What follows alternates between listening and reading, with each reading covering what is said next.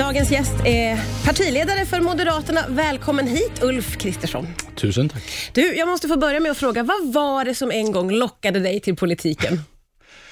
Det var faktiskt, den sanna svaret, en pigg vänster.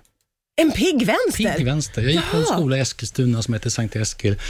Jättekul, kul människor. Det här var ju tidigt 80-tal. Det var väldigt många som var bokläsande, tedrickande vänstermänniskor. Ja. Jag gillade dem verkligen. De var trevliga.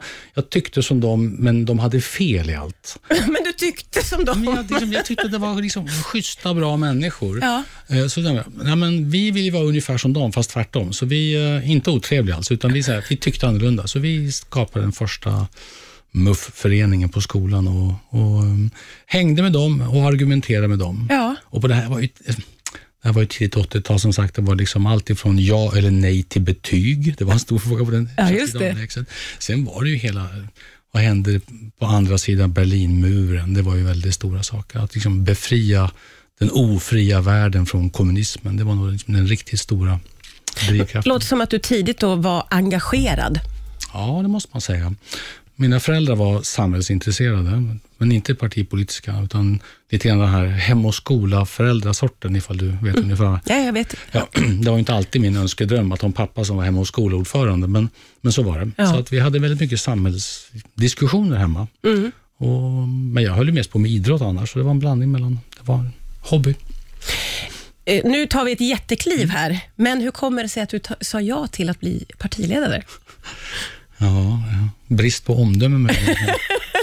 Nej, ärligt talat så var det en blandning mellan att, att har man jobbat med det här ganska många år och, och får möjligheten att på allvar göra det man tycker är alldeles riktigt och rätt och nödvändigt, och tycker jag nästan då måste man göra det. Då kan man inte säga att jag, jag hjälper gärna till, men det där verkar så utsatt, så det låter jag... Utan jag känner nog att jag är tvungen på det sättet.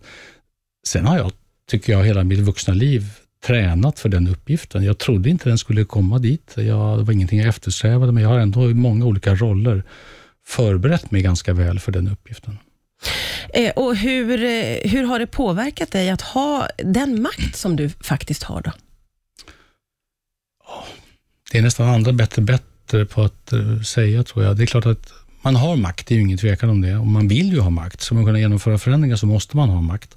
Och sen måste man ju vara ödmjuk nog och inse att makten, med makten följer ansvar. Eh, med makten följer också skyldigheten att lyssna på andra innan man använder sin makt. Det tror jag många ledare skulle ha nytta av att tänka ofta på. Så jag försöker i huvudsak vara mig själv. Det låter som en klyscha, men jag tror att om man inte är det, om man tror att nu ska jag gå in i partiledarrollen och vara någon annan, då misslyckas man.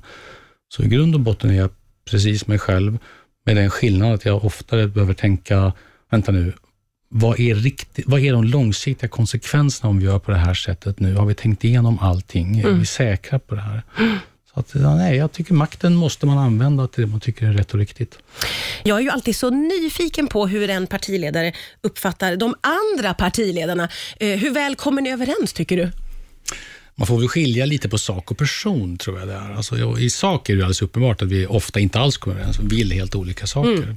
Sen ibland kan man ju tycka folk är väldigt trevliga ändå. Att jag och Jonas Sjöstedt tyckte olika om det mesta, tror jag, men en otro, otroligt trevlig person att ha att göra med helt enkelt. Ja. Eh, Så att det är lite, lite olika. Det är lite olika. Eh, Vem skulle du helst sitta bredvid om du satt på en buss i fyra timmar? Om jag slänger ut en sån. Nej, men den jag har mest kontakt med av alla kategorier är ju Ebba Busch. Vi, vi jobbar ju mycket tillsammans. Vi delar både många värderingar och många sakståndpunkter och eh, är helt säkra på att vi kommer gå till val för att bilda en gemensam regering. Så att vi, vi träffas väldigt mycket och, och tycker det är kul. Och vad skulle ni prata om på den där fyra timmars bussresan då? Ja, men vi pratar om alla möjliga saker. I somras tog vi simborgarmärket tillsammans Nej, till men, exempel. va? Ja. Hur kom det sig? Nej, men vi kom ju på att det är sånt där man alla ser, det är jättebra att ta simborgarmärke och så gör man inte när man är fullvuxen, utan det är Nej. sånt som barn gör. Ja.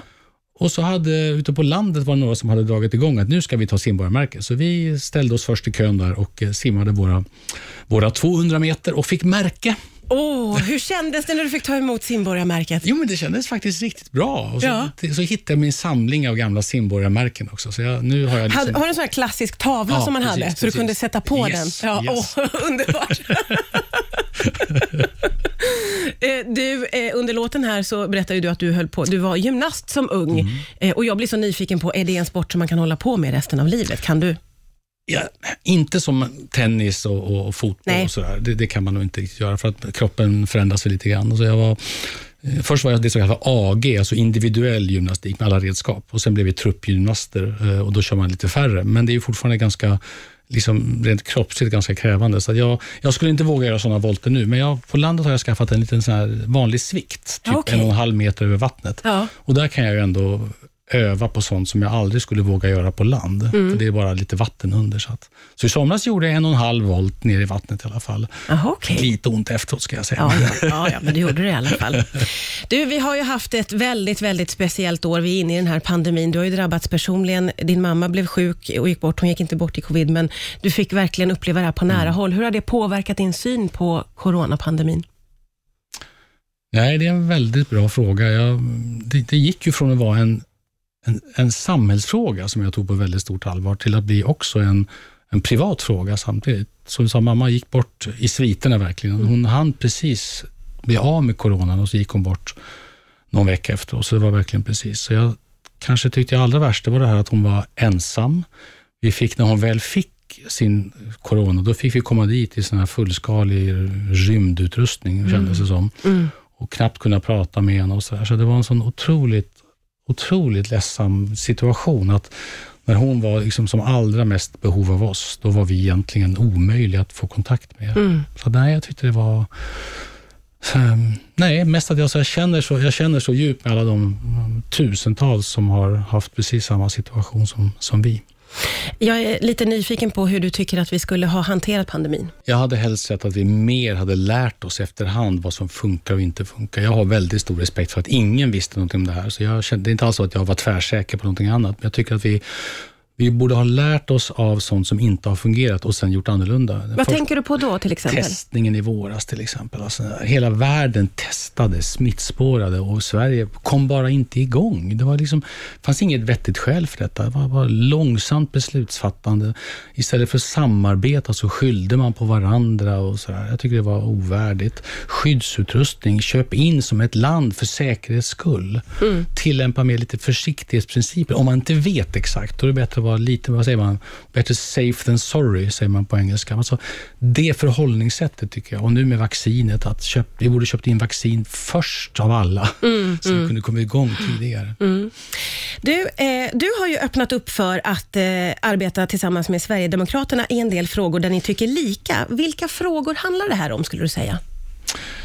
Jag har ju sagt att jag tycker man ska samarbeta med alla partier som man tycker ungefär lika. Det är en viktig, och det gäller inte bara Sverigedemokraterna. Tvärtom. Vi har gjort upp med Vänsterpartiet i ett antal frågor där vi tycker lika och stått för det.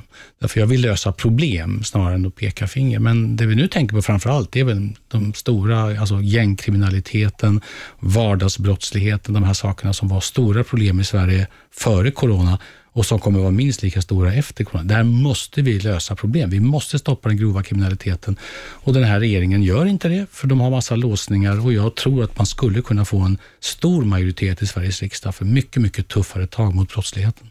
Vad är det som har förändrats, eh, tycker, eller skulle du säga, sedan 2008 då du sa att ni ju inte skulle samarbeta?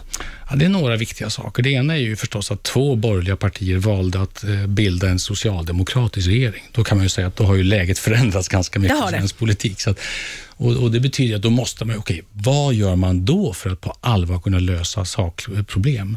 Det andra tycker jag att problemen har blivit så stora och mycket värre. Vi kan inte vänta längre. Vi måste göra någonting åt energifrågorna, vi måste göra någonting åt eh, kriminaliteten, vi måste göra någonting åt eh, invandringen. Vi måste ha mindre invandring, inte större invandring till Sverige. Och jag är besatt av de här sakfrågorna, lösa problem och då är jag beredd att prata med alla för att kunna komma överens, så länge det går i den riktning som jag själv tycker är riktig. Jag skulle inte vara beredd att plötsligt inta en helt annan ståndpunkt. Jag försökte skoja med Stefan Löfven, det gick sådär, men och säga att vi vill båda bestämma, båda vara statsministrar. Skillnaden är att jag vill vara statsminister för att genomföra politik som jag verkligen tror på. Du tillåts vara statsminister om du genomför politik som du inte tror på. Det är en stor skillnad. Och hur landade det här hos statsministern? Nej, han såg inte så road ut. Han såg inte så road ut. Du, eh, vad skulle du säga att din dröm är för Sverige? Ja, om jag ska ha en, en kortsiktig och en långsiktig dröm. Mm. Kortsiktigt är att verkligen ta tag i de stora problemen. Alltså, så att Sverige vänder utvecklingen. Sverige går åt fel håll. Jag tycker brottsligheten och de stora integrationsproblemen tycker jag är de kanske allra tydligaste. Lös de problemen. Lägg ner lika mycket möda som vi nu lägger ner på corona på att vända samhällsutvecklingen rätt. Mm. Den långa sikten, det är... Min mamma var den första i vår, i vår släkt som tog studenten ett arbetarhem som tog studenten och kom som universitetselev i Lund. Att alla barn i Sverige skulle kunna få göra sin egen klassresa, oavsett vad föräldrarna har för bakgrund, vad de, vad de har för efternamn, vilken utbildning de har. Att alla barn ska kunna lyckas bra i Sverige på egen kraft. Det har vi gjort förut i Sverige. Det borde vi kunna göra en gång till. Ulf Kristersson, jag är så himla glad att du tog dig tid att komma hit till Rix FM idag. Tack snälla för att du kom. Tack så mycket. Riks FM. Riks FM.